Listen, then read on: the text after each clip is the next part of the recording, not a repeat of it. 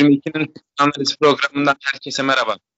Bugün sevgili bu ben Deniz Berker Küçük Trabzonspor'un Çaykur Rizespor karşısında verdiği sınavı ve gündemini değerlendireceğiz. Merhaba Buğra abi nasılsın? Merhaba Berker iyiyim sen nasılsın? Teşekkür ederim ben de iyiyim. Bugünkü gündemimize son Rizespor maçıyla ve Rizespor'un Rizespor maçındaki Trabzonspor'un ilk 11 ile başlamak istiyorum. İlk olarak e, dinleyicilerimize ilk 11'i tekrardan hatırlatayım. İlk olarak maça başlanan ilk 11. Kalede Erce vardı. Uğurcan'ın yokluğu. E, milli takımda olması dolayısıyla kaleye Erce koruyordu. Sağ bekte Pereira, stoperde Edgar Campi ikilisi vardı. Solda Marlon, önlerinde e, 6 numarada Flavio. Onların da önlerinde Frontsen ve e, Abdülkadir Parmak vardı. Sağ kenarda Abdülkadir Ömür, sol kenarda Vakeme, ileri uçta da Kaleb Ekuban vardı. İlk 11'e dair olarak kendi görüşlerimi ifade edeyim. E, Campi, Gaston Campi yenilen golde e, ikinci gol olması lazım. Kafayla attığı gol. Çok ciddi bir kademe hatası yaptı. Orada ne adamı tutuyor ne bir alan savunuyor. Nereye zıplıyorsun, ne yapıyorsun? Bu kadar mı kötü olur bir futbolcunun yer tutma bilgisi? Ve bu kadar kötü olabiliyor herhalde en fazla. Evet. E, Gaston Campi'nin böyle yer tutma bilgisi konusundaki eksiklikleri de Arjantin'de e, dünya futbolunun ikinci, üçüncü sınıfı bir takımdan geliyor olmasından kaynaklı olduğunu düşünüyorum. Yani altyapı sistemi olarak herhangi bir şey kattıklarını düşünmüyorum onlara e, Estudiantes takımının. Kampi e, ve türevi altyapı görmemiş stoperler Trabzonspor'un başına Ahmet Ağlı yönetiminden beri bela aldılar. Zargut Ture, Macit Hüseyin'i, Gaston Kampi, yine Trabzonspor'un altyapı görmemiş Hüseyin Türkmen örnekleri. Marlon e, benim olumlu fayda e, sağlayacağını düşündüğüm bir oyuncuydu. Ancak defansif olarak çok ciddi eksikleri var. Pas oyununda da katılamıyor herhalde tek fazlası orta kesebiliyor olması, içeri top çeviriyor olması. Sağda Pereira e, rutininde bir performans gösterdi. Golünü dağıttı. Yaşına rağmen bu performansta ilerliyor olması takdir edilesi bir durum. Trondsen ve Flavio'nun performansı e, Samsun Spor maçına nazaran kesinlikle düşüktü. Öyle umuyorum bu bir maçlık form düşüktüdür. İkisinden de medet umuyorum çünkü sezon adına. Parmak e, bence maçta yani bariz bir hatası olmadı tabii ama onun da fark yaratan bir e, pası, fark yaratan bir hareketi, hamlesi yoktu kesinlikle. Defans arkasına paslar atmaya çalıştı. Çok bir kez başarısız oldu. E, Abdülkadir Parmak ne yazık ki Trabzonspor'un ilk 11 oyuncusu değil ancak rotasyonda bulunması gereken bir oyuncu. Abdülkadir iki gol attı. Kesinlikle e, maçın yıldızıydı denilebilir. Gayet de başarılı bir performans gösterdi. Sakatlık geçirdi ne yazık ki. İleri uçta Ekuban arkadaşlarını besleyen, e, rakip savunmacılarla boğuşan bir görüntüsüydü. Vakame ise her zamanki formunda kaleci, rakip kaleci Zafer'e bu adamı kim tutacak dedirtecek performansıyla e, bizleri büyüledi. Senin abi ilk 11'lere dair görüşlerin nelerdir? yani e, Erce için Erce'den başlayayım. Erce için söylenilebilecek çok bir şey yok. Sonuçta 90 dakikada bir kaleciyi değerlendirmek genelde de Trabzon'un yedek kalecisi olduğu için çok büyük bir şey söyleyemiyoruz ama olumsuz bir şey söyleyeme söyleyemem hakkında. Yani çıkardığı bir top vardı. Ee, onun dışında defansif zafiyetlerden dolayı yedik zaten 3 golde. Ee, Pereira evet e, hücuma katkı anlamında 35-36 yaşında olmasına rağmen gençlere taş çıkartıyor. Her zaman standartını korudu. Edgar ilk yarıda bence çok kötüydü. İkinci yarıda biraz daha toparladı. Ee, özellikle Edgar'ın oyun kurma anlamında bayağı katkı verebileceğini düşünüyorum. Ama tabii takımda kalırsa yani defansif anlamda şu anda takımın stoperi olabilecek kapasitede bir oyuncu değil. Belki üçüncü stoper olabilir. O da tabii yerine iki stoper transfer edilirse yani stoper mevkisine. Kampi konusunda söylediklerine katılıyorum. Defansif olarak adamın e, tek iyi özelliği top kapma refleksi biraz yüksek ama onun dışında alan savunması, pozisyon bilgisi falan çok kısıtlı. Yani biz stoperde de bunlar en önemli şeyler. Sonuçta bir stoper bakarken herkesin tecrübeli olmasını istemesinin sebebi e, bunlar yani. Adamın oyun bilgisinde olmasını istiyor bir takım transfer edeceği zaman. Ama Kampi'de bu geçen sezonda yoktu. Özellikle oyun kurma anlamında da çok kötü ve geldiğinden beri de düşen bir performansı var. Yani artık da dibi buldu denilebilir. Hiç bu kadar da kötü görmemiştim. Yani bir iki maç daha böyle olduğu olmuştu ama ertesi maç biraz daha vasata yakın oynadığı oluyordu. Ama bugün net anlamda çok kötüydü. Marlon e, defansif anlamda yine sıfır. Yani defans hattından bahsederken şimdi Pereira da her ne kadar çok iyi bir futbolcu olsa da e, Trabzonspor'da hiçbir zaman defansif özellikleri iyi bir bek olmadı. E, tamam bunu tolere edebiliyordunuz çünkü daha öncesinde diyordunuz ki hani benim Pereira defansif özellikleri düşük olsun, hücuma katkı versin. E, defansta kalan 3 oyuncu daha yüksek defansif özellikleriyle sonuçta Pereira'da sıfır defans yaptığından bahsetmiyorum. Yani bu defans hattı yeterli olacağını düşünüyordun ama şu anda bu stoper tandemiyle solda da bu be- bekle beraber e, Pereira da defansa çok katkı sağlayamadığı için e, Trabzonspor'un savunma hattı büyük sıkıntı yaşıyor. Yani Marlon konusunda bir tane ortası vardı işte Pereira'ya asisti vardı Pereira'nın attığı golde. Yani evet başarılıydı sadece o dakika içinde. Onun dışında özellikle Rize Spor'un solda yani baş döndüren üçgenlerinin ben Rize Spor'un başarısı olduğunu düşünmüyorum. Defansif anlamda e, Kampi, Marlon, oraya yakın olan bir de Abdülkadir Parmak. Yani defansif anlamda çok etkili olmadıkları için bu sorunları yaşadı Trabzonspor. Ya parmak konusunda söylediklerin tamamen doğru. Hiçbir zaman Trabzonspor'un ilk 11 oyuncusu olamayacak. Bariz bir hatası bugün yoktu ama daha önceden çok oldu. Yani bugün denk düşmedi. Ya bu bariz hata tabii gol yedirecek hatadan bahsediyoruz. Onun dışında pas hataları vesaire çok oldu. Savunmanın arasına girip oyun kurmaya çalışıyor, topu alıyor ama oyun kuramıyor. Yani yan pas yapıp duruyor. E, oyunu yine ikinci yarıda söylediğim gibi çoğunlukla hep Edgar'dan kurduk. E, Tronsen Flavio dediğin gibi bir şey söylemek için daha erken ama bugün Samsun Spor maçına nazaran biraz daha düşüktü performansları. Ama bundan üçlü orta saha anlayışında parmağında etkisiz olmasının etkisi olabilir. O yüzden ikisi hakkında çok erken olumlu veya olumsuz bir şey söylemek istemiyorum. Yani Abdülkadir Ömür e, geçtiğimiz sezonun ikinci yarısına sakatlıktan döndüğü zamana nazaran bayağı iyiydi. Hani nazar değmesin dedik ama maşallah dedik ama adam sakatlandı yani. Umarım ciddi bir şey yoktur.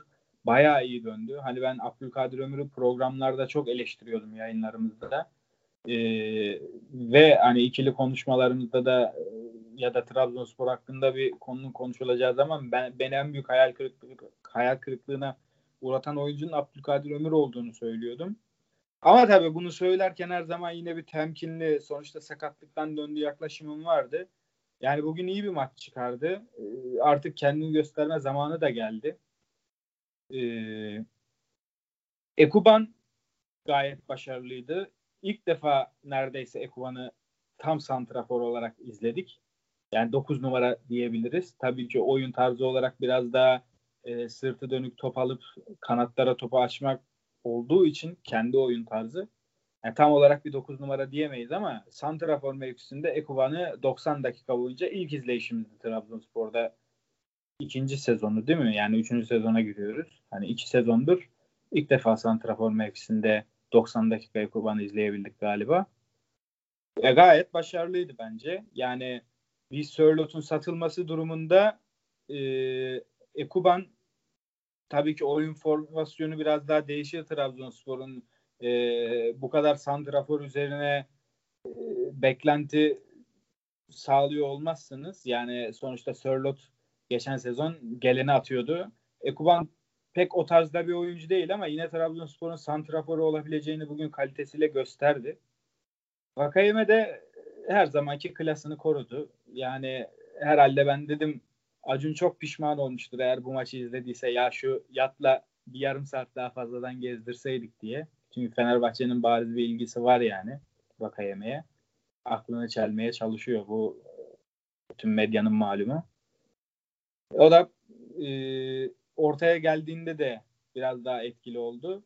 E, geçen Samsun maçında neredeyse tamamen ortada oynamıştı. Daha etkisiz olmuştu.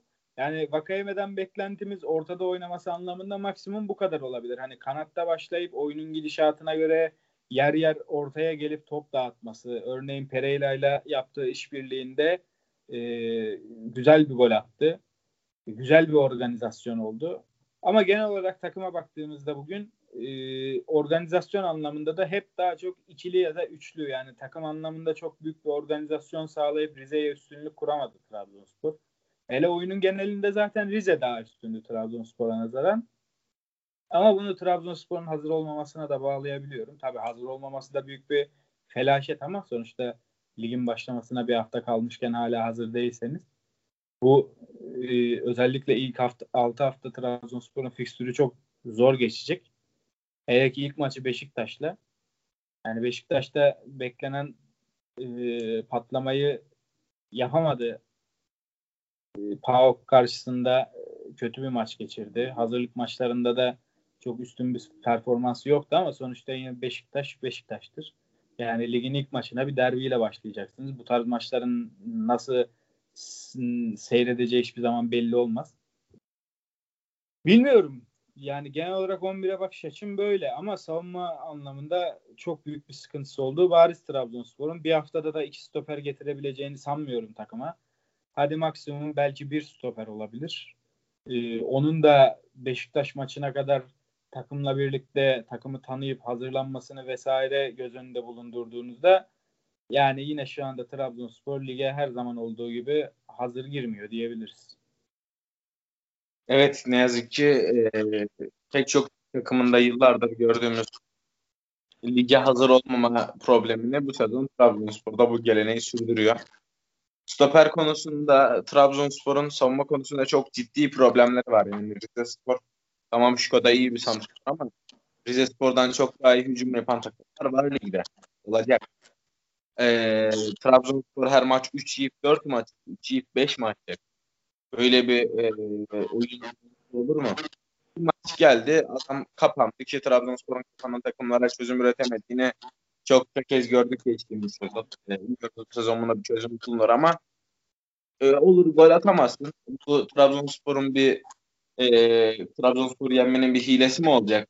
Trabzonspor'a e, bir karşı kapanıp goller atıp maçı kazanmak. Bu kadar kolay olmamalı bir takımın gol yemesi.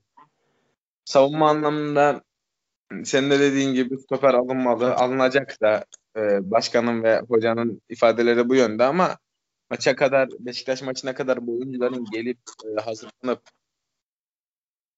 e, takıma uyum sağlaması çok zor gözüküyor. Bugün sevgili e, Salih'le de konuştuk. O da Fırtına Analiz ekibine yeni katıldı. Çok büyük faydaları olacaktır bizim. Kendisiyle konuştuğumuzda Edgar Lee'nin Trabzonspor'a faydalı olacağını düşünmüştük. E, maça dair ilk yarı belki yetersiz performans sergiledi. Zaman zaman problemler yaşadı ama ayağına hakim bir oyuncu yanındaki pandemiyle birlikte e, Trabzonspor için gerekli katkıyı sağlayacaktır. Edgar'ın yanına gelmesi olası bir isim var. Oradan o soruyor. Belki e, duymuşsundur. Evet. O soruyu e, ağır olsa da savunmada general tarzı savaşçı e, Manuel da Costa'nın Başakşehir'deki performansı bizlere anımsatan bir oyuncu. İlla ki o soruyu gelsin demiyorum ama bu kasa bir stoperin gelmesi durumunda Edgar'la beraber iyi bir tandem oluşturabilirler.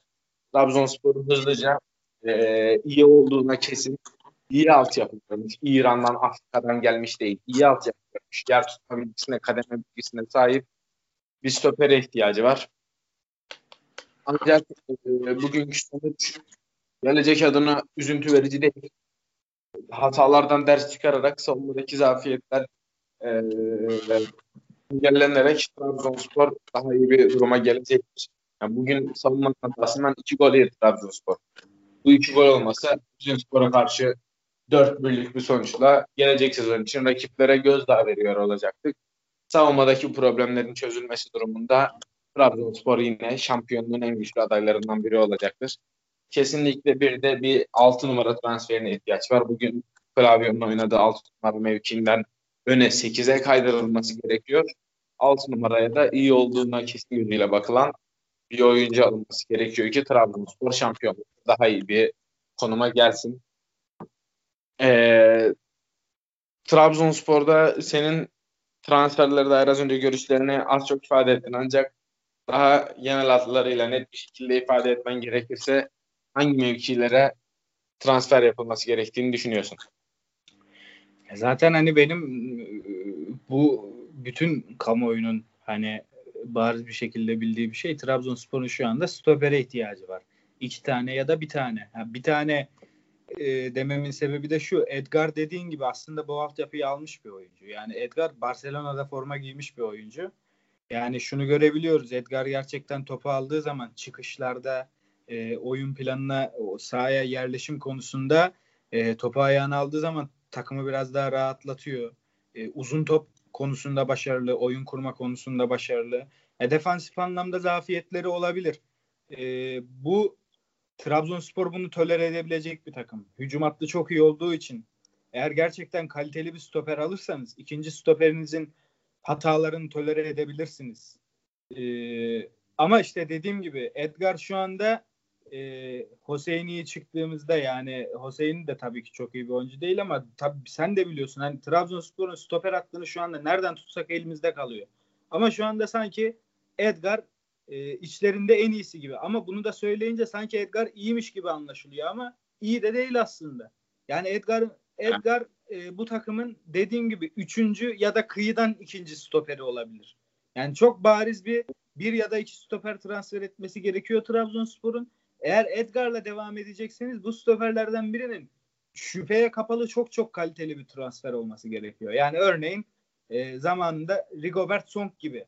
Hani Rigobert Song gibi bir stoperiniz olsa bugün Edgar'ı yanına koyduğunuzda e, savunma attım. Tamam mükemmel demezsiniz ama savunma attım bu ligin e, kafasını oynayacak kadar, şampiyonla oynayabilecek kadar bu hücum hattını da göz önünde bulundurduğunuzda yeterli diyebilirsiniz.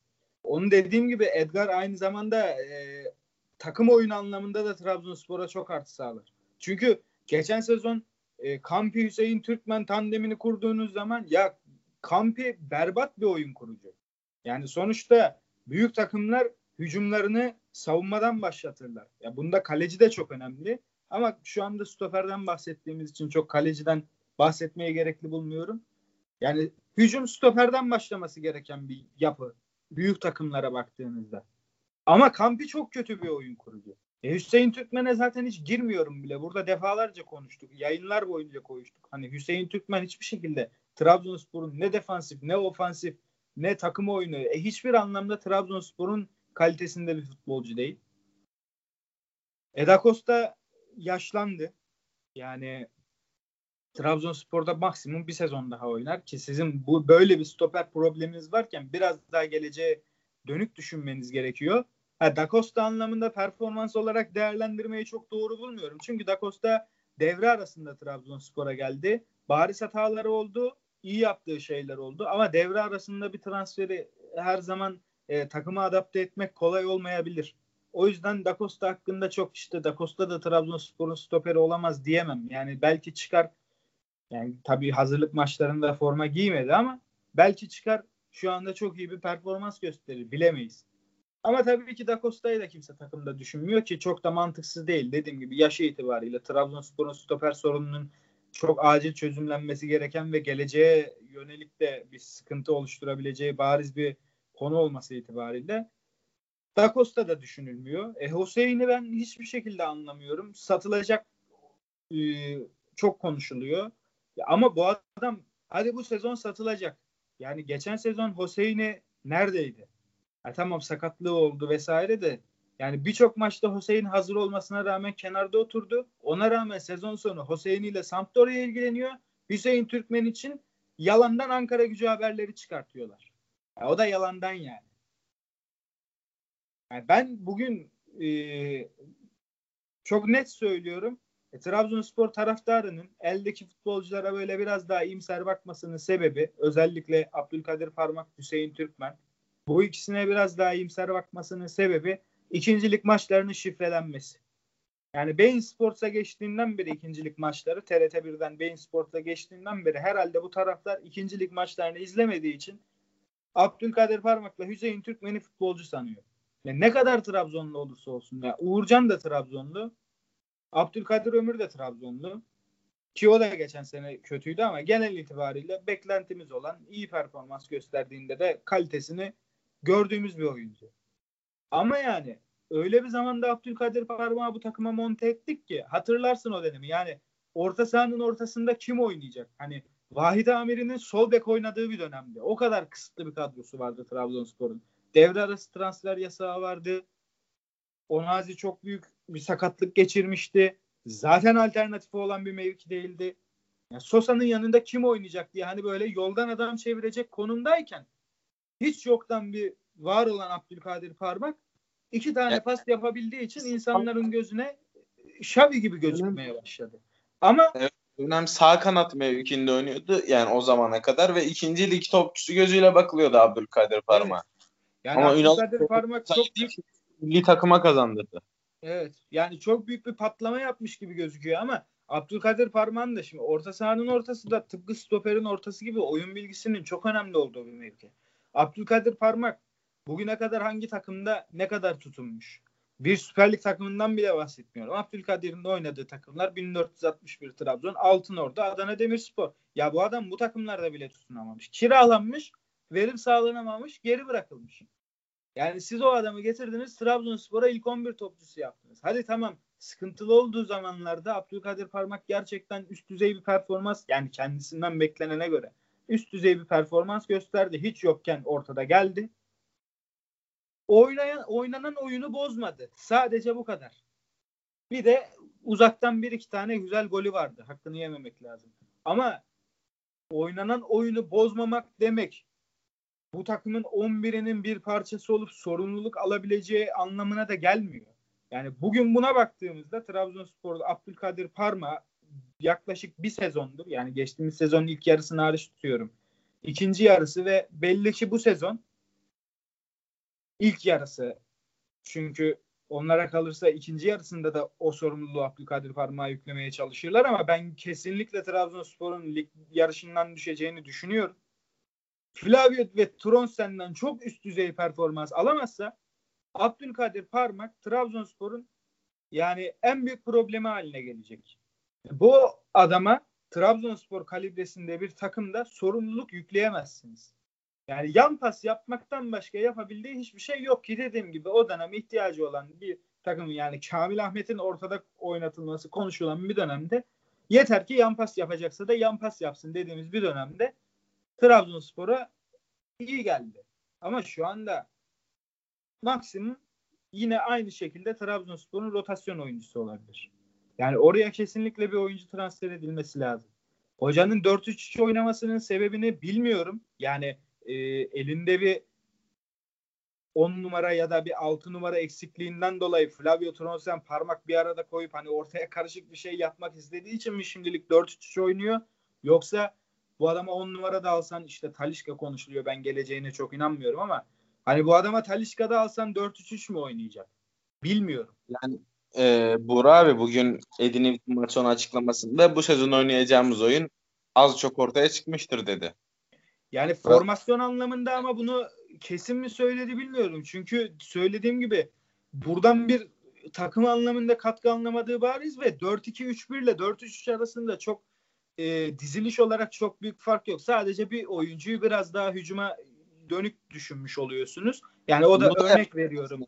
Şöyle yani 4-3 ile 4-2-3-1 arasındaki 2-3 fark vardır. Bir nedir? Ofansif orta saha vardır. E, 4-3'te yoktur. 4-2-3-1'de kenar orta sahaları olur. Onlar savunmaya yardımcı olur. Yani Vakame ve Ömür 4-2-3-1 oynasak savunmaya yardımcı olmalı. 4-3-3'te e, orta çizgiye gelip ya da rakip kendi sahamızın en fazla e, birinci bölgesinde kalmalı. Ama Vakame ve Ömür'ün hem defansa ciddi bir şekilde yardımcı olduğunu gördük hem de top ayaktayken 4-3-3 dizilen bir takım gördük sahada. Herhalde hoca e, oyunun iki alanında da savunma anlamında da hücum anlamında da kalabalık bir takım olmayı hedefliyor. Savunmadaki zafiyetleri bu şekilde örtmeye çalışıyor. Belki haklıdır, belki mantıklıdır. Bilemiyorum ancak e, ofansif orta saha transferi daha zor bir transfer bence abi. Yani yapılabilecek transferler arasında bir tane defansif orta saha alınıp e, yine orta saha rotasyonuna örnek veriyorum. Alınsın demiyorum ama örnek veriyorum. Tolga Arslan şu an serbest bir oyuncu. Onu bile katabilirsiniz. Trabzonspor'un scoutları geniş bir takım. Dünya üzerinde böyle en azından rotasyonun içinde olacak çok futbolcu bulabilirsiniz ama ofansif orta saha daha özel bir mevki olduğu için şu an 4-2-3-1 oynayacak durumda olduğunu düşünmüyorum ben Trabzonspor takımının. Yani oraya oyuncu bulmak daha zor kesinlikle. Ki Ağlı yönetiminin oraya herhangi bir transferi olmadı 3 yıllık yönetiminde.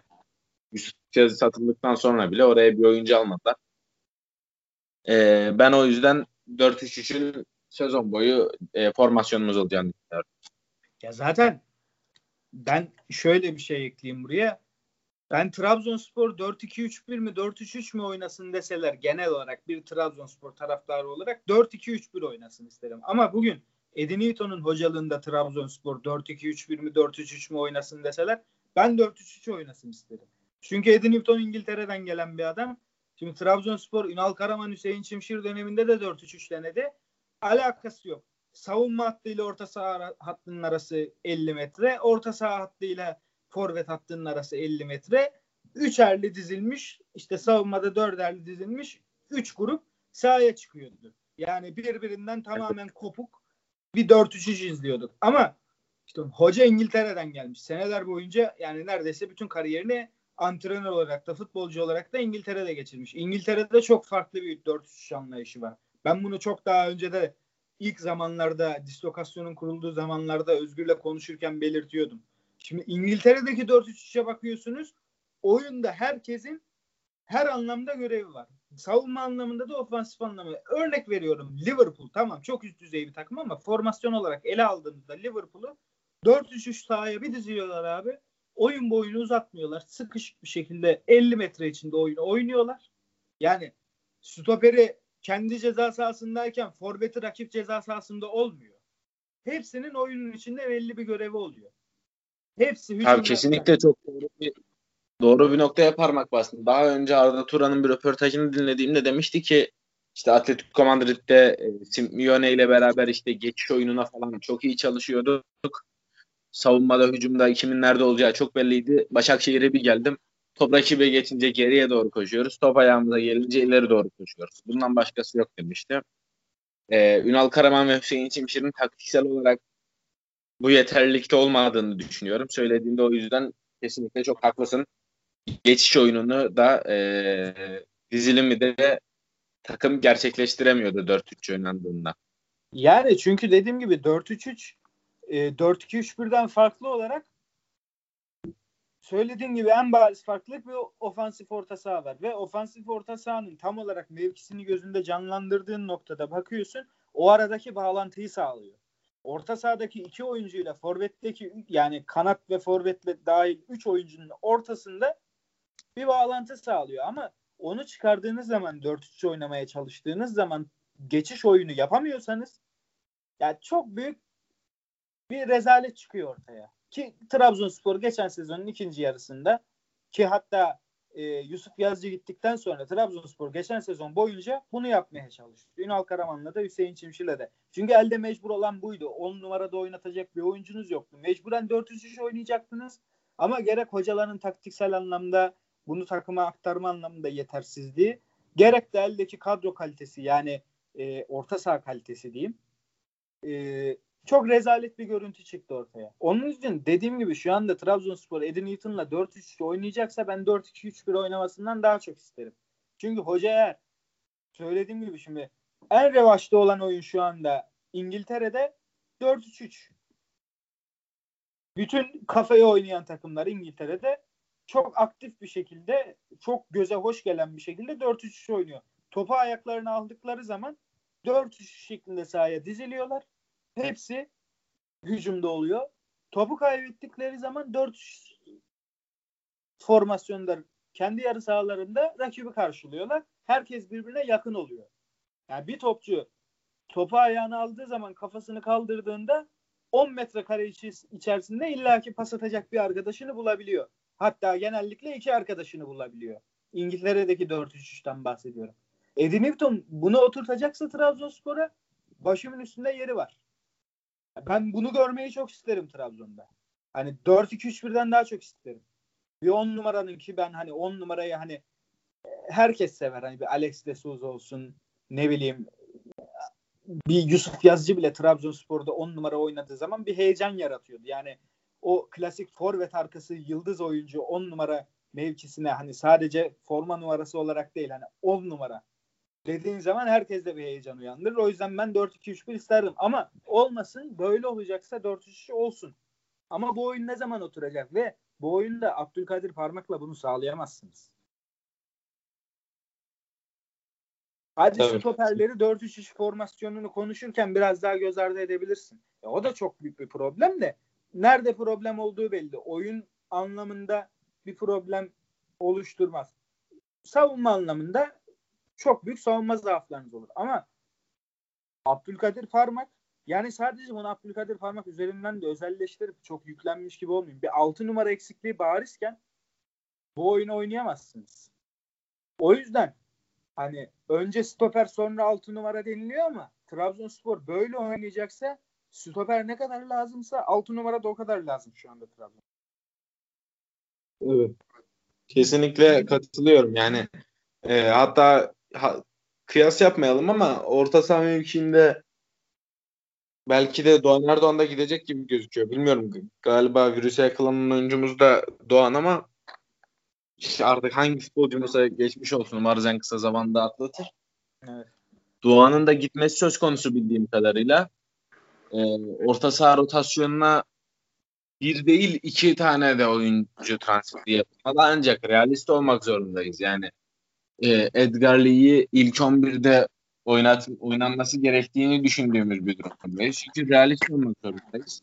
E, bu ortamda iki tane orta saha transferi zor gözüküyor. Bir stoper bir orta sahaya yine Edin Newton'da doğru bir taktik oturtması durumunda ve Flavio de iyi bir performans göstermesi durumunda takımın e, kafayı oynayan şampiyonluk için son ana kadar mücadele eden doğru bir oyun anlayışıyla ne yapması gerektiğini bilen bir takım görmek isteyeceğini düşünüyor ve ümit ediyorum. Son olarak e, Trabzonspor'da Şolat ve Oğuzhan Çakır'ın gitme durumu ile ilgili yorumlarımızı yapmak istiyorum. Bu arada Şimdi, ben şunu ekleyeyim e, kapatmadan evet. önce o söylediğin konu hakkında iki tane orta saha konusu hakkında. E, Doğan Erdoğan evet gidecek ama Kerem Baykuş e, takıma dahil olabilir bu sene ciddi anlamda. Yani rotasyon anlamında. Yani ben iki hazırlık maçında da e, beğendim Kerem'i.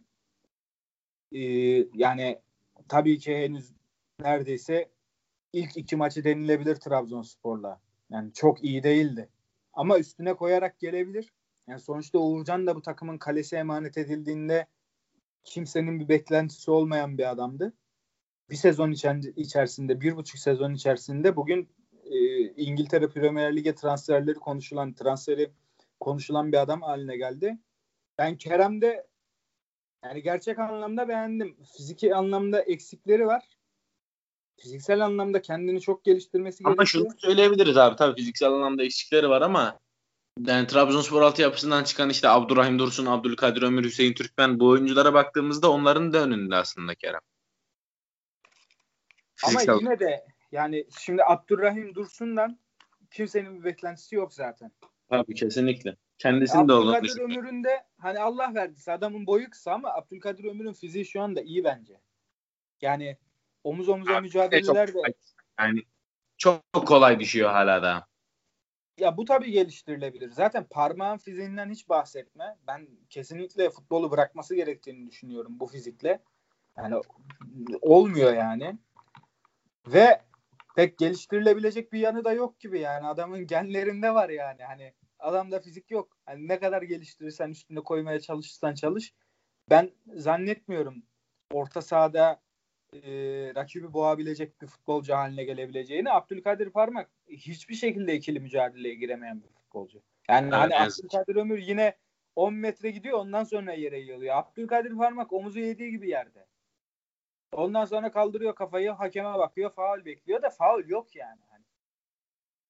E, Kerem Baykuş da şimdi mevki itibariyle orta sahada oynayacaksa fiziğinin çok üstüne koyması lazım. Bir de dediğim gibi Trabzonspor altyapısı çok büyük bir çukur yani. Hani Kerem Baykuş'un bakıp da ben Abdülkadir Parmak'tan iyi fiziğim var, işte Abdurrahim Dursun'dan iyi fiziğim var derse yani Abdurrahim Dursun iki sene sonra üçüncü ligde oynar, Kerem ikinci ligde oynar. Ama bu çocuk yanlış baş... anlaşılmasın abi yani ben Kerem'in iyi bir fiziği var demedim. O basketçılara göre daha iyi bir fiziği var ama tabii bir çıta belirleyecek olursak bir futbolcunun sahip olması gereken fizik diye e, onun altında kesinlikle Kerem Bayram. Tabii ama yani söylediğim gibi eğer o fiziği geliştirirse bu sezon Trabzonspor'un Doğan Erdoğan yerine ha tabii ki e, oyun anlayışları farklı. Doğan daha defansif bir oyuncu ama yani e, özet itibariyle orta sahadaki rotasyona Kerem bu sene dahil olabilir. Yani Kerem geçen sene sadece Trabzonspor'un kadrosuna dahil oluyordu. Hiçbir şekilde ilk 11'e veya da işte yedekten oyuna girme anlamında Koray bile şans buluyorken Kerem e, Kerem şans bulamadı ama iki maçta da bence özellikle ilk maçın 45 dakikasında Samsun Spor maçının 45 dakikasında sahanın en iyisiydi. Hani bunu yaşıyla vesaire e, kıyaslayarak söylemiyorum. O 11 kişi içinde sahanın en iyisiydi. İkinci yarıda da hoca onu biraz daha sola çekince orada aksadı. Yani oyun sistemi de biraz değişti. Orada aksadı. O da normal. Bu kadar genç bir oyuncunun alışık olmadığı bir mevkide e, performansının birdenbire bu kadar bariz düşmesine bir şey demem. Normal. Ama hani Kerem fiziğini geliştirmeye devam ederse 5 dakika 10 dakika 5 dakika 10 dakika bu sezon Trabzonspor'a dahil olabilir. E, o yüzden Doğan Erdoğan gittiğinde bir tane orta saha alınacaksa Abdülkadir Parmak ilk rotasyon oyuncusu olur. Kerem ikinci rotasyon oyuncusu olur.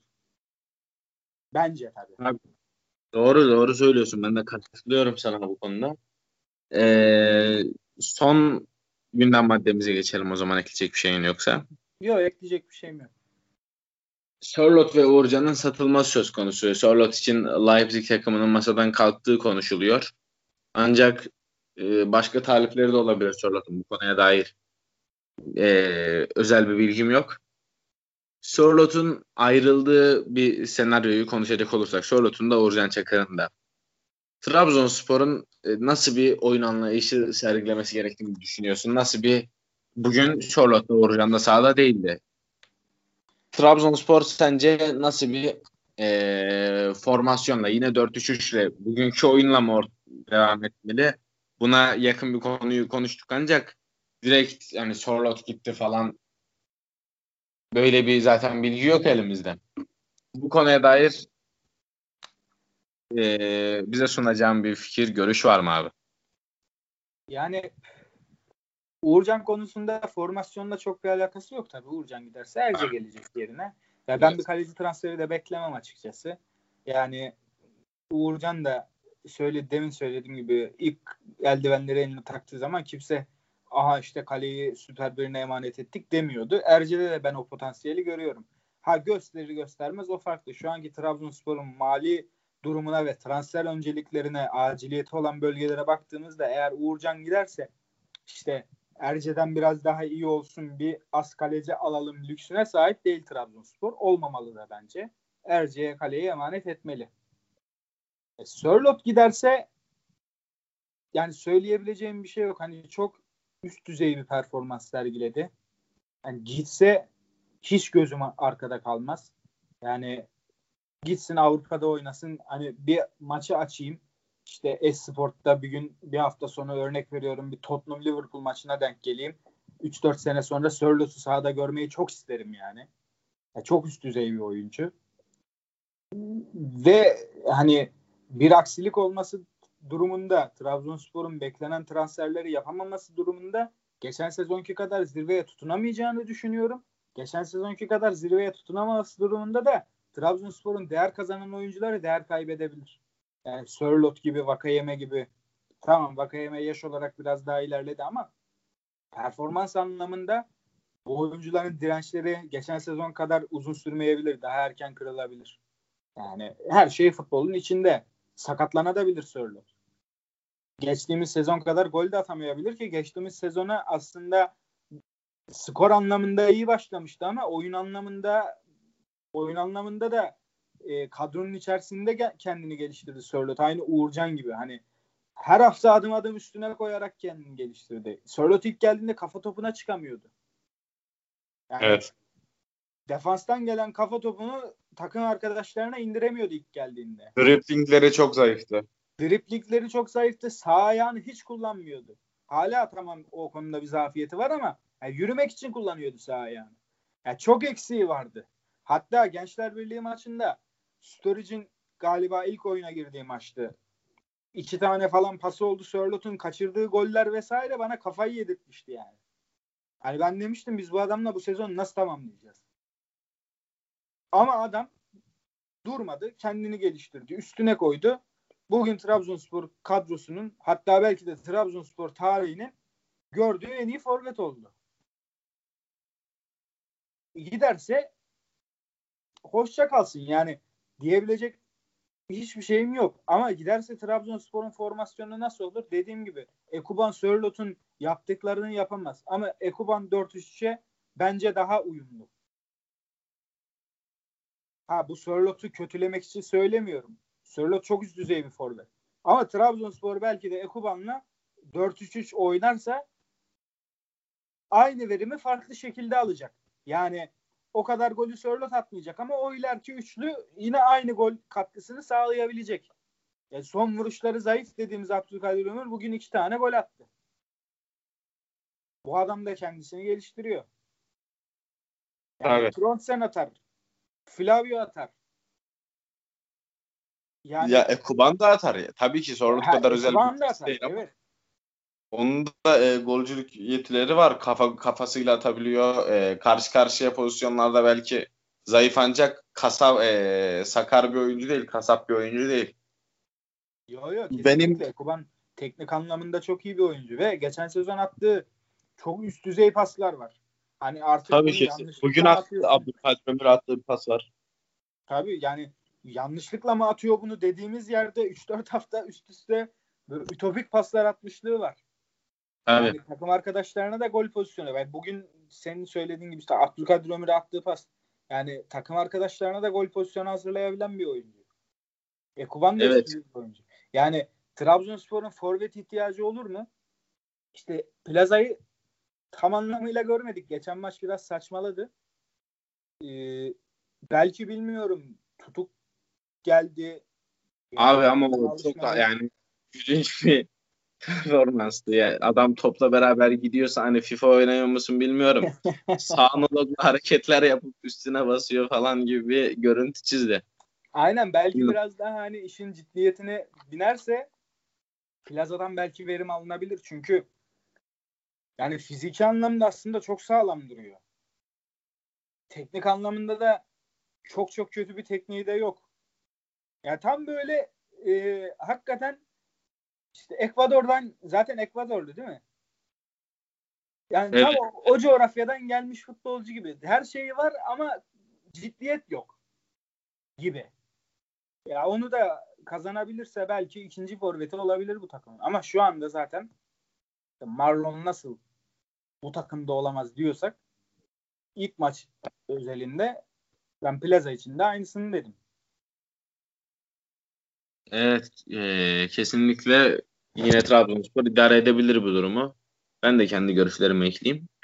Şimdi Charlotte ve Uğurcan'ın olası satışında ikisinin de ben rahatlıkla 20 milyon euronun üstüne çıkabileceğini düşünüyorum. Tabii işte e, zaten Leipzig takımı 20 milyon euro ödemeyi kabul etmişti Charlotte için. Uğurcan da bu paranın üstüne çıkabilecek bir oyuncu. İkisinden gelecek 40 milyon euronun 3'te ikisi Bankalar Birliği'ne gidecek. Tamam. E, Trabzonspor'un elinde yaklaşık 13-14 milyon euro gibi bir para kalacak. Bu 13 milyon euroya Trabzonspor yönetimi çok fazla transfer çözebilir. Yani iki tane stoper alabilirsiniz. Üst, üst düzeyde mi? Yani Süper Lig için gayet yeterli olabilecek iki stoper. Bir orta saha alabilirsiniz. E, olur da giderlerse formasyon olarak da bugün izlerken hani o Ekuba'nın pasını gördüm. İki dakika sonra kafamda bir kıvılcım alevlendi gibi oldu. Ee, Liverpool'un oynadığı o 4-3-3 hani Firmino tam 9 oynamıyor. 9.5 gibi oynuyor. Kenarlardaki iki oyuncu e, skor üretiyor. Birbirlerini besliyorlar. E, Firmino da yeri geldiğinde gol atıyor. Arkadaki üçlü e, daha dinamik oyunculardan kurulu. Direkt yani e, o oyunun oynanması ikili bir anda kafamda canlandı ve kendi kendime hakikaten nasıl diyeyim fikrim böyle olduğu için kendimi ikna ettim diyebilirim. Ben e, böyle bir 4-3-3'ün gizli forvetli, e, sahte dokuzlu bir 4-3-3'ün Trabzonspor için çok faydalı olacağını düşünüyorum. Az önce senin de söylediğin gibi Ekban kenardaki arkadaşlarını besleyebilir. Kenardaki arkadaşları birbirini besleyebilir. E, Trabzonspor hücum attı. Gol yükünün paylaşıldığı bir e, duruma dönüşebilir. Ben Sörlot ve Uğurcan'ın satılması durumunda ki ikisinin de gittiği takımlarda e, kendileriyle gurur duyacağım. Giderlerse tabii ki. Gitmesi durumunda Trabzonspor'a maddi olarak çok ciddi getirileri olacaktır. Ve bu maddi getirilerle de yeni futbolcular alarak Trabzonspor takımı çok üst düzey bir takım haline gelebilir. Ee, ben yönetimini şahsen Uğurcan için ya da ikisinden birini bu sezon satmasını bekliyordum ve satması gerektiğini düşünüyorum. Ancak tabii ki de kararı veren onlar. Konuya dair ekleyecek bir şeyin yoksa programı kapatmak istiyorum abi. Ya şöyle bir şey ekleyebilirim. Uğurcan bir sezon daha belki kalabilir. Sonuçta e, bu camianın çocuğu. E, bir sezon daha kalırsa da kalecilik için henüz yaşı genç. Yani kaleciler biliyorsun 40'ına kadar oynayabiliyorlar. Tabii. Ee, bir sezon daha kalırsa da değerinden bir şey kaybetmez. Hatta aksine üstüne koyar. Hani bir de demin söylediğim olası olumsuzluk durumu Trabzonspor'un bu kadar etkili bir takım olamaması durumu yani bir takımda en çok kalecinin işine yarar. Yani Trabzonspor'da Onur'u yıldızlaştıran şey Trabzonspor'un o dönem çok kötü bir takım olmasıydı. Mustafa Yumlu sol bamba ikilisi. yani Onur'u yıldızlaştıran şey buydu. Yani Sörlot'u düşürür ama Uğurcan'ın performansını arttırır. Ee, ama Sörlot bir de buyout maddesi, sözleşme detayları tabii zaten sır gibi saklanıyor yani. Hiçbir açıklama yok bu konuda. Yani onu da bilmediğim için çok da bir şey diyemiyorum. Eğer para bu sezon kazanılıyorsa bu sezon gitsin yani Sörlot. Hani seneye 9 milyon kazanacaksak biz bu adamdan bu sezon 15 milyon kazanalım. Yani biz Bugün bu abi sezon zaten gördüm. Buyout maddesi olmadığını söylüyordu Yeni Şafak haberinde. Ya ben de okudum dün onu ama yani başkan da olduğunu söylemişti. Hani bilmiyorum tam olarak nasıl bir sözleşme detayı var ki zaten hani 9 milyon euroluk buyout maddesi Crystal Palace- Palace'ı bağlamayan bir durum. Yani buyout maddesi Sörlot'un kendi sözleşmesinde olan bir durum. Yani Evet. Sörlot bu konuda ikna da edilebilir. Sonuçta çok üst düzey bir performans sergiledi. Ya bak işte Sörlot hani sen zaten ölün 20 milyonluk olduğunu bu sezon bütün dünya futbolu gördü. Gel bunu 9 milyon yapmayalım 15 milyon yapalım. Yani elimizde kalmazsın nasıl olsa. Yani zaten sen her türlü bu sezon yani 20 milyonluk bir teklif alacaksın. Yani Vedat'ın 18 milyonluk teklif aldığı yerde önümüzdeki sezon çok büyük bir aksilik olmadıktan sonra hani Allah korusun bir sakatlık bir şey olmadıktan sonra yani Sörloth her türlü zaten 20 milyonluk bir teklif alacak. Hani 20 milyon da yapmasın bunu Trabzonspor.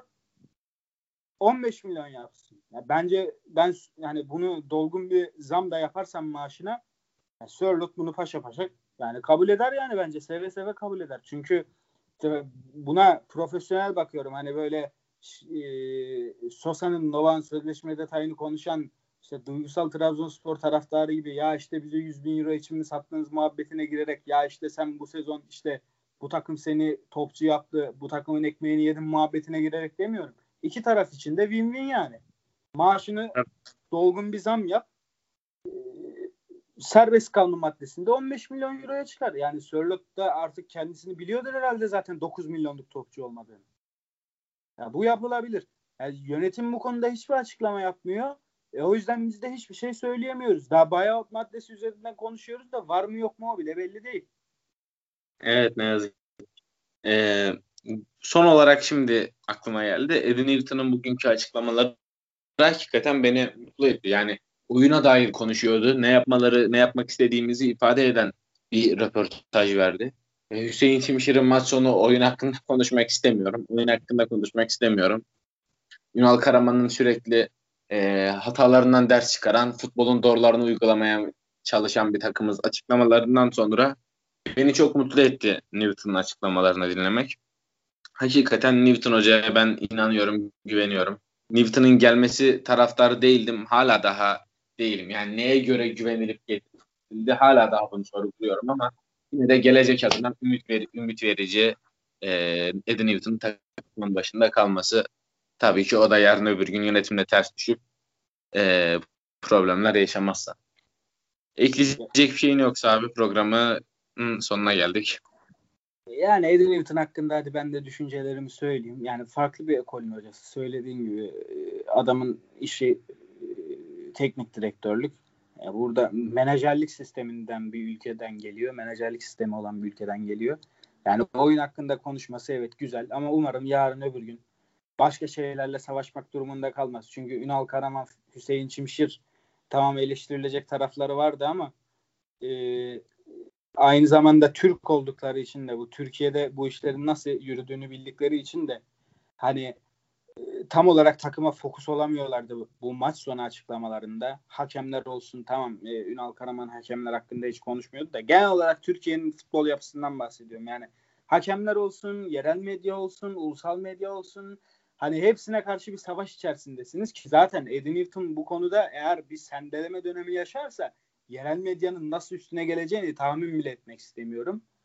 Hani umarım ha, şöyle bir şey var. Yine e, Türk hocalar bu medyada söylenenleri çok net bir şekilde direkt kulaklarına geliyor ama e, yabancı hocanın bence böyle de bir avantajı var.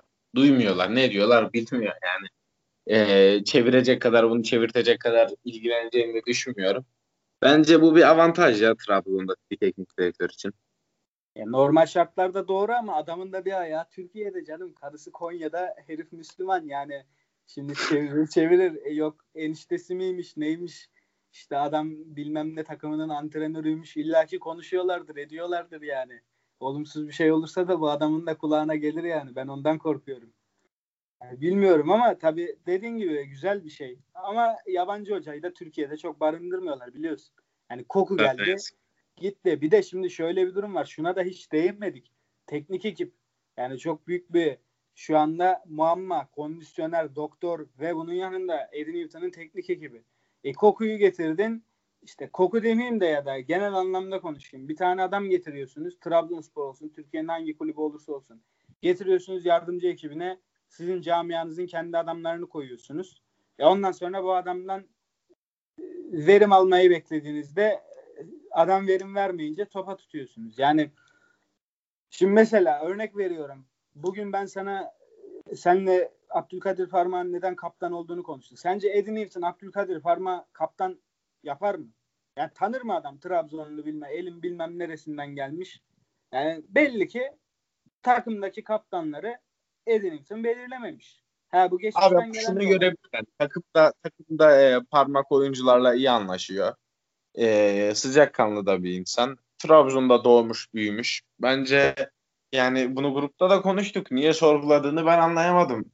O, o anki sahada iki tane seçenek vardı. Ya parmak olacaktı ya vakame.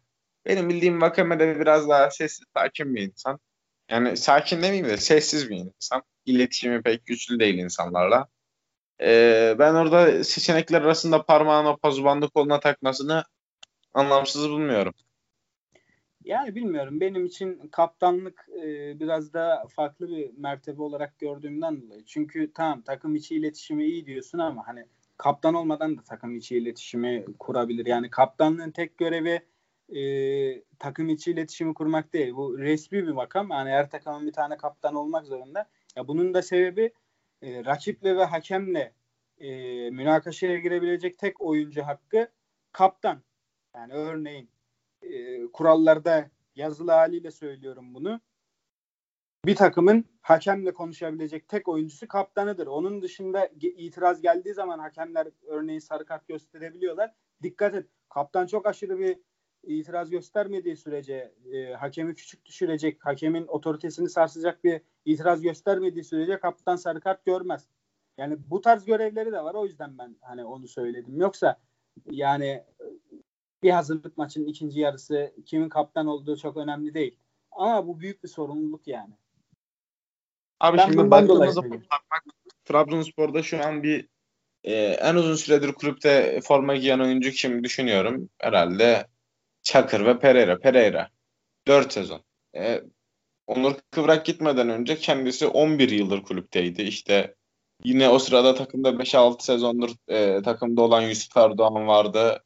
Şu an çok net hatırlayamıyorum ama yani 3-4 tane en az 5 yıl takımda forma giymiş oyuncu sayabiliyorum. Şu mevcut kadroda Trabzonspor'da yine uzun yıllar hani 8 yıl 10 yıl gibi bir süre forma giymesi en azından takımın içinde bulunması olası tek oyuncu Parmak. Ki ben Parmak'ın kulübede de olsa artık yanlış anlaşılmasın dedim ama hani kaşarlaşarak e, hakemle diyaloglarını e, kart görme pahasına da olsa e, üst düzey tutabilen, hakemi rahatsız eden, rakip takımını çirkefleşerek bozabilecek, belki de bu e, kimliğe bürünebilecek bir oyuncusu varsa o parmak. Ben parmağın mesela sen de hatırlıyorsundur. Alanya Spor maçı kupa finali e, uzatma dakikaları parmak çıkacak. Biliyor çıkacağını.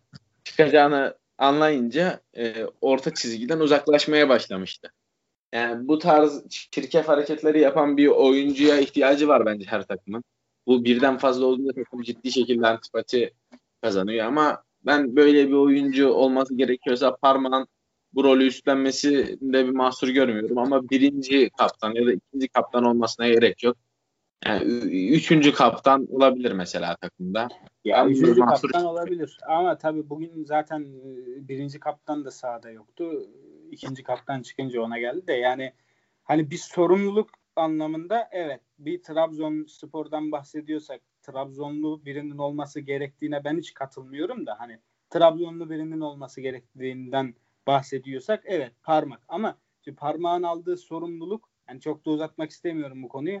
Yani parmağın aldığı sorumluluk Trabzon'a çok da olumlu katkı olarak dönmüyor. Ha, söylediğim gibi bu dediklerini yapması için illa kaptan olmasına gerek yok. İşte biraz daha rakiple münakaşaya girmesi hani oyunun biraz daha çirkef yönüyle kendi takımını ateşlemesi bunu Zokora da yapıyordu işte Pereira da yapıyordu kaptan değildi geçen sezon. Ya bunlar kaptan olmadan da yapılabildiğinde takıma olumlu katkı sağlayan şeyler. Yani konudan çok sapmamak gerekirse hani ben onu söylemenin daha önemli olduğunu düşünüyorum. Ee, bir Eddie Newton getiriyorsanız hani yardımcısını Mehmet Yılmaz yapmayın ki. Hani bu adam yarın öbür gün topa tutulduğunda ya sorumlunun kendisi olmadığı belli oluyor. Hani bu işin içinde bir kirlilik olduğu belli oluyor yani. Bir kötü niyet, art niyet aranması gerektiği belli oluyor. Ya ben bunu sadece Trabzonspor için de söylemiyorum. Yabancı bir hoca getiriyorsunuz. Adama teknik ekip kurmasına müsaade etmiyorsunuz. Yardımcılarını da siz kendiniz belirliyorsunuz. O zaman o adamdan da katkı gelmediği zaman adamı topa tutmayacaksınız. Ya bugün sakatlıkların sorumlusu geçen sezon Hüseyin Çimşir değildi, Ünal Karaman değildi. Bu sezonda Edinington olmayacak. Ya bu takımın kondisyonerinde belli ki bir sıkıntı var. Doktor ekibinde belli ki bir sıkıntı var ki doktor istifa ettiğinde ben bir haber okudum. Futbolcular istememiş doktoru. Yani bu günümüzde bir futbol takımında ne kadar rastlanılan bir şey. Futbolcuların, futbolcu bir tane futbolcunun da değil. Futbolcuların doktoru istememesi. İnanılmaz hakikaten utanç verici bir durum Trabzonspor adına. Yani belli ki iş bilmez adamlara iş emanet ediyorsun. Abi bugün Newton diyor ki e, Abdülkadir'e kramp girdi. Ya ben abi e, zamanda futbol oynadım. Trabzon Trabzon'da yaşayan pek çok genç futbol oynamıştır. Şu an oynayamıyorum. Ama bir bel fıtığı e, hastalığım var o yüzden oynayamıyorum. Çokça kez kramp girerdi bana. Niye? Hani ne kadar üst düzey bir kulüpte oynayabilirim? Bir, bir şey katmıyordu bana orada hiç kimse çok kramp girerdi bana. Uyanırdım kramp girerdi. Maçta kramp girerdi. Ee, bu e, bana olabilir ama Trabzon futbolcusunun daha maçın 60. 65. dakikasında kramp girip sendeleyerek oyundan çıkması ne demek ya?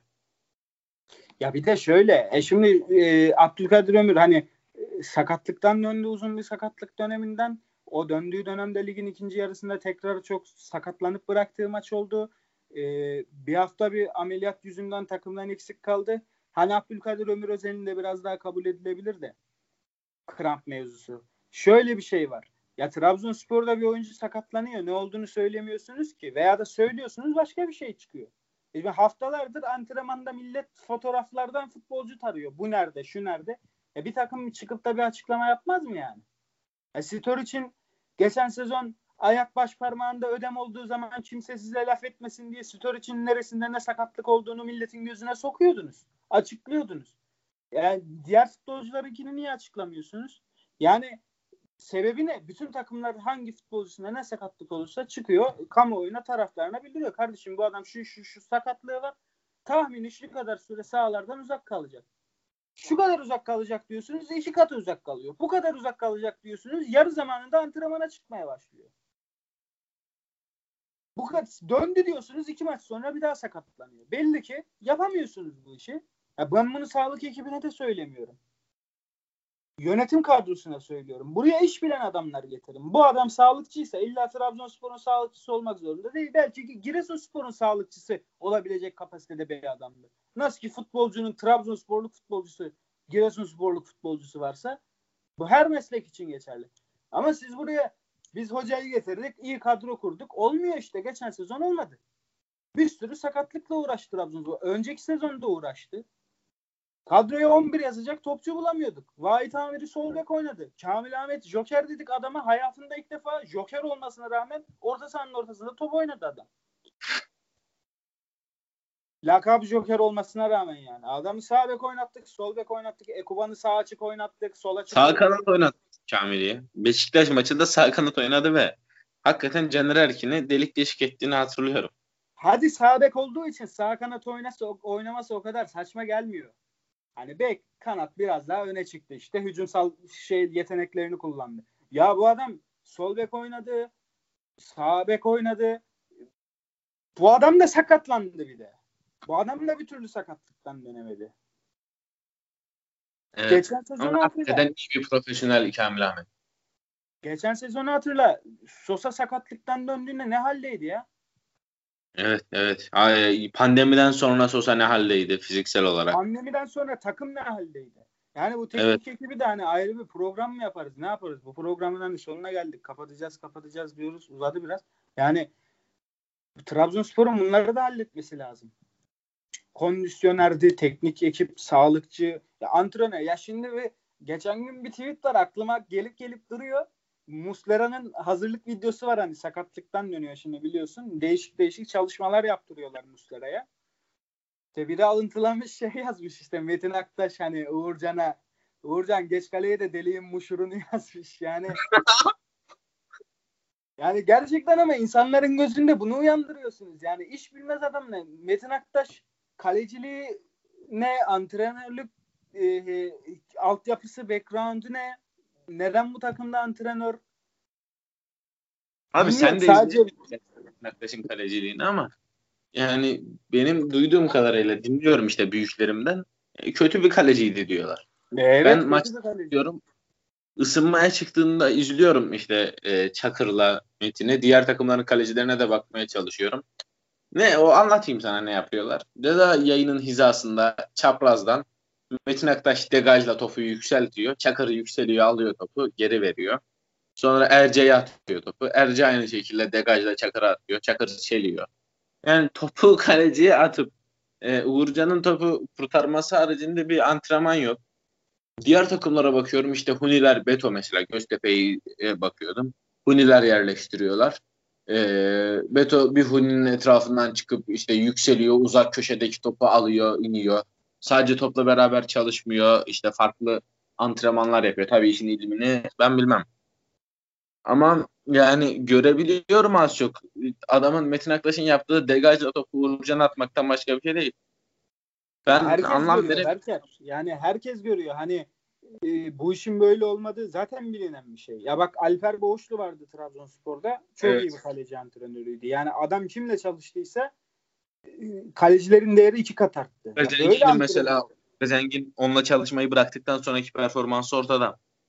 Adam gitti milli takımın kaleci antrenörlüğünü yaptı. Ya şu adamı bulun getirin ya. Hani Fenerbahçe'de. maaşı da çok yüksek bir şey değil ki. Hani Fenerbahçe'de çalıştı ama galiba sonra yollar ayrıldı. Fenerbahçe'de evet, evet. değil diye biliyorum. Ayrıldı yollar ayrıldı. Yani getirin bu adamı ya. Bu adam bir de hani galiba Trabzon'da tam bilmiyorum ama alt yani kariyerinin büyük çoğunluğu Trabzon'da da geçmiş bir adam. Yani, yani 2011 şampiyonu Trabzonspor gibi bir açıklamasını hatırlıyorum en azından. Hatta Fenerbahçe e, camiası tarafından hoş karşılanmamıştı bu. Ya bulun getirin bu adamı. Ya ben samimi söylüyorum. Uğurcan yani böyle değeri 20 milyonsa doğru kaleci antrenörüyle birlikte 25-30 milyon olur. Çünkü ya senin eksiklerini görecek olan adam sen değilsin ki. Sen de futbol oynamışsındır. Halı saha bile olsa bu. Ben de oynadım. Sahaya çıkıyorsun. Kendin oynuyorsun. Tamam. Da kendi eksiklerini görebiliyor musun? Hani diyebiliyor musun? Ben bugün şunları eksik yaptım. Hani çok genel anlamda şey. Ben bugün kötü maç çıkardım diyebilirsin de. işte ben bugün çok çapraz koşu yapamadım. Ya ben bugün işte orta sahada çok rakibi boğamadım. Yani diyebiliyor musun? Diyemiyorsun. Bunları görüp müdahale edecek olan senin takımının teknik ekibi teknik ekibin tek şeyi futbolcuyu sahaya çıkarıp başlarında durmak değil ki. Ya bunları da Trabzonspor'un kısa zamanda artık bu sezonun yani bir de bunun transfer şeyi de yok. Sezon, sezon içinde de yapabilirsiniz de hiç böyle bir hamle görmedik. E nedir hamle? Hasan 3. gidiyor altyapının başından. Tayfun Cora getiriliyor altyapının başına. Yani ya, ya abi Allah şey akıl alıyorum o durumu ya. Yani bu camia ne kadar iyi futbolcular yetiştirmiş. Kötü altyapısı olmasına rağmen yani. Fatih Tekke mesela zamanında şu an belki o seviyenin üstünde ama zamanında altyapısında görev alamaz mıydı bu kulübün? Ya da şu an Gökdeniz Karadeniz gelip görev alamaz mı? Zamanında Hamdi Mandıralı görev alamaz mıydı altyapıda? Ya bu abi... niye kazandırılamıyor bu kulübün efsaneleri ee, bu camiaya tekrardan futbolu bıraktıktan sonra anlamıyorum. Yani Hüseyin Çimşir kötü bir futbolculuk kariyeri geçirmiş. Hasan üçüncü kötü bir futbolculuk kariyeri geçirmiş. Onlar geliyor burada görev alıyor ama kendi evladımız diyeceğimiz e, camia halkı arasında kahramanlaştırılmış e, özneler bir türlü Trabzonspor'da görev alamıyor futbolu bıraktıktan sonra. Ben buna anlam veremiyorum. Kaç tane yönetim değişti? Hiçbiri mi bu konuya parmak basmaz? Yani herhalde bu artık yönetimin elinde olan bir durum değil. Ben başka bir şey düşünemiyorum. Hani Trabzonspor'un altyapısı büyük ihtimalle yönetimin söz söyleyebileceği alanın dışında kalıyor. Herhalde orada kendi başına oluşturulmuş bir yapı var. Bir torpil yapısı ki biliyorsun sen de yani Trabzonspor'un e, altyapısındaki torpil meselesini ki zaten görülüyor da. Yani herhalde öyle. Yani çünkü e, altyapıdan ikinci yani altın oradan vesaire aldığınız futbolculara bile altyapıda oynarken kendi çocuğunuz gözüyle bakmıyorsunuz. Yani Tayfun Cora bu takımın altyapısına ne kadar şey katabilir? Ya ben bilmiyorum. Bak belki de katabilir de. Yani neden biri çıksın desin ki? Çünkü bir de altyapı antrenörlüğü A takım antrenörlüğünden de farklı bir şey. A takımda karşınıza olgunlaşmış bireyler geliyor. Yani fiziksel olarak, zihinsel Tabii. olarak oyun anlamında psikolojik, mental anlamda olgunlaşmış bireyler geliyor. A, altyapıda sizin göreviniz o adamları zaten hani o adamla U19 maçına çıkıp rakibe 5 atmak değil ki. O adama futbol oynamayı, o zihniyeti verebilmek, fiziğin ne kadar önemli olduğunu, kondisyonun, tekniğin ne kadar önemli olduğunu anlatabilmek. E, pozisyon alımının, yerleşmenin vesaire ne kadar Şimdi Tayfun Cora bu anlamda Trabzonspor altyapısına ne verecek? Biri çıksın açıklasın. Yani kendisi Trabzonspor'dayken ne kadar e, bunları takıma sağlayabilmiş ki altyapıdaki oyunculara bunun katkısını verecek. Hasan üçüncü hele. Yani bu, şu gençlerle iletişim kurmayı 15-16 yaşındaki ergenlik çağındaki çocuklarla iletişim kurmak konusunda bu adamların bir eğitim almışlığı, bir sertifikası bir şey var mı? Altyapı antrenörlüğü. Ya illa ki lisansı vardır ama abi şimdi futbolculara lisans kolay veriliyor zaten. Asıl o lisansı zor alabilen e, isimlerin burada görev alması daha liyakatli insanlar haline getiriyor onları. Yani Bence lisanstan kolay bir şey yok. Yani lisans yani futbolcu için lisans bir şey yok. İki sene amatör lisansın varsa haşemlik başvurusu yaparken bilmem kaç tane eğitimden muaf olabiliyorsun. Yani Türkiye'de de o yapı zaten çarpık da sizde iyice çarpıklaştırmanıza gerek yok. Altyapı evet. sistemini kuran takımlar belli. İlla git bir altın ordu ol demiyoruz da kardeşim biraz örnek al ya. Hani Tayfun Cora ya yedirdik yedirdik yani Tayfun Cora'ya da mı sıra geldi yani hani? Hepsi bitti ona mı sıra geldi yani? Abi Egemen Korkmaz mesela. Trabzonlu değil eyvallah ama Trabzonspor için hakikaten önemli e, hizmetler olmuş. Hatta geçtiğimiz sezon hani futbol bırakıyor adam bıraktı zaten. E, Trabzonspor'a gelmesi söz konusu olmuş bir isim. Bence Egemen Korkmaz dahi e, Trabzonspor'da altyapıyı getirilebilir. Hani Tayfun Cora'ya kadar çok fazla isim olduğunu düşünüyorum ben. Çok fazla çok yani. Duritsa bak Yan Duritsa çok net söylüyorum sana. Yan Duritsa gelsin altyapıda görev alsın. Yani direkt hoca olsun demiyorum ama oyunculara işte yer tutma bilgisi öğretsin. Fiziksel olarak nasıl daha üst seviyeye gelebileceklerini öğretsin. Ama yani e, Tayfun Cora'yla Hasan Üçüncü ile çıkmasınlar karşımıza ya. E onu diyorum işte. E yani e, bu, bu camianın çocukları diye diye yedirmeye doymadınız. Tamam mı? Ya yine yedirin de. Ya, iş ya keşke bu camianın yani. çocuğu yeterli olsa da o gelse abi. Keşke yeterli olan yani daha iyi olan bu camianın çocuğu olsa bu camianın çocuğu gelse ama yeterli değil. Işte, yani Fatih Tekke gel. Tamam şu an Fatih Tekke kariyerinde birazcık artık ilerleme kat etti. Kalkıp dönüp Trabzonspor'un altyapı antrenörü olmaz ama Fatih Tekke Trabzonspor'u bıraktıktan sonra getirdiler mi altyapının başına? Veya da Gökdeniz Karadeniz. Şu an herhangi bir antrenörlük kariyeri yok. Yani alsın şeyini. Tayfun Cora'dan daha mı kötü bu adam? Antrenörlük lisansı var. Gökdeniz Karadeniz'in lisansı var ya galiba. İşte antrenörlük lisansını aldı da aktif olarak antrenörlük herhangi bir kariyeri yok galiba. Hiçbir takımda yapmadı diye yok. biliyorum şu anda. Yok yok. Yani lisansı aldı. E tamam getir Tayfun Cora'dan daha mı şey yani? Yani yiyecekse de bu adamlar yesin ya. Hani en azından dersin ki bu adamın kendisini biliyorsun. Altyapıda verdiği mücadeleyi de biliyorsun. Yani gelmiş ki Trabzonspor'un altyapısından çıkıp Trabzonspor'a topçu olmuş büyük bir futbolcu olmuş. Yurt Avrupa'ya transfer gerçekleştirmiş. Ya hiçbir kriteriniz yoksa işte ne bileyim gençlerle iletişim kurmaktır vesairedir. E, oyuncu yetiştirme, pozisyon bilgisi şu ya en azından böyle basit bir kriteriniz olsun. Altyapıdan çıkmış, gelmiş. İlk 11'de senelerce taraftarın gönlünün sevgilisi olmuş. Trabzonspor'a 61 diye bir kavram getirtmiş. Oradan da Avrupa'ya gitmiş. En azından böyle bir kriteriniz olsun yani. Evet. Yani bilmiyorum artık ne zaman bu işler. Yani ben gerçek söylüyorum, samimi söylüyorum. Herhangi bir kulübe yani Trabzonspor taraftarıyım ama bugün başkan olsam ilk yapacağım iş transfer yapmak falan değil yani. Altyapı, altyapıdan yukarı doğru üst yapı, teknik ekibin, kondisyonerin, doktoru. Ondan sonra git transferini yap. Ya iş bilir adamlarla işe başla. Ya Trabzonspor 18 milyon euro maaş bütçesiyle bu sezon ikinci oldu. Ya bu adamlar evet. yıldız oyuncu ol, diye olmadı yani. Ki bu adamların bir de söylediğimiz kondisyoneri yok, doktoru yok. Bunların olduğunu düşünsen.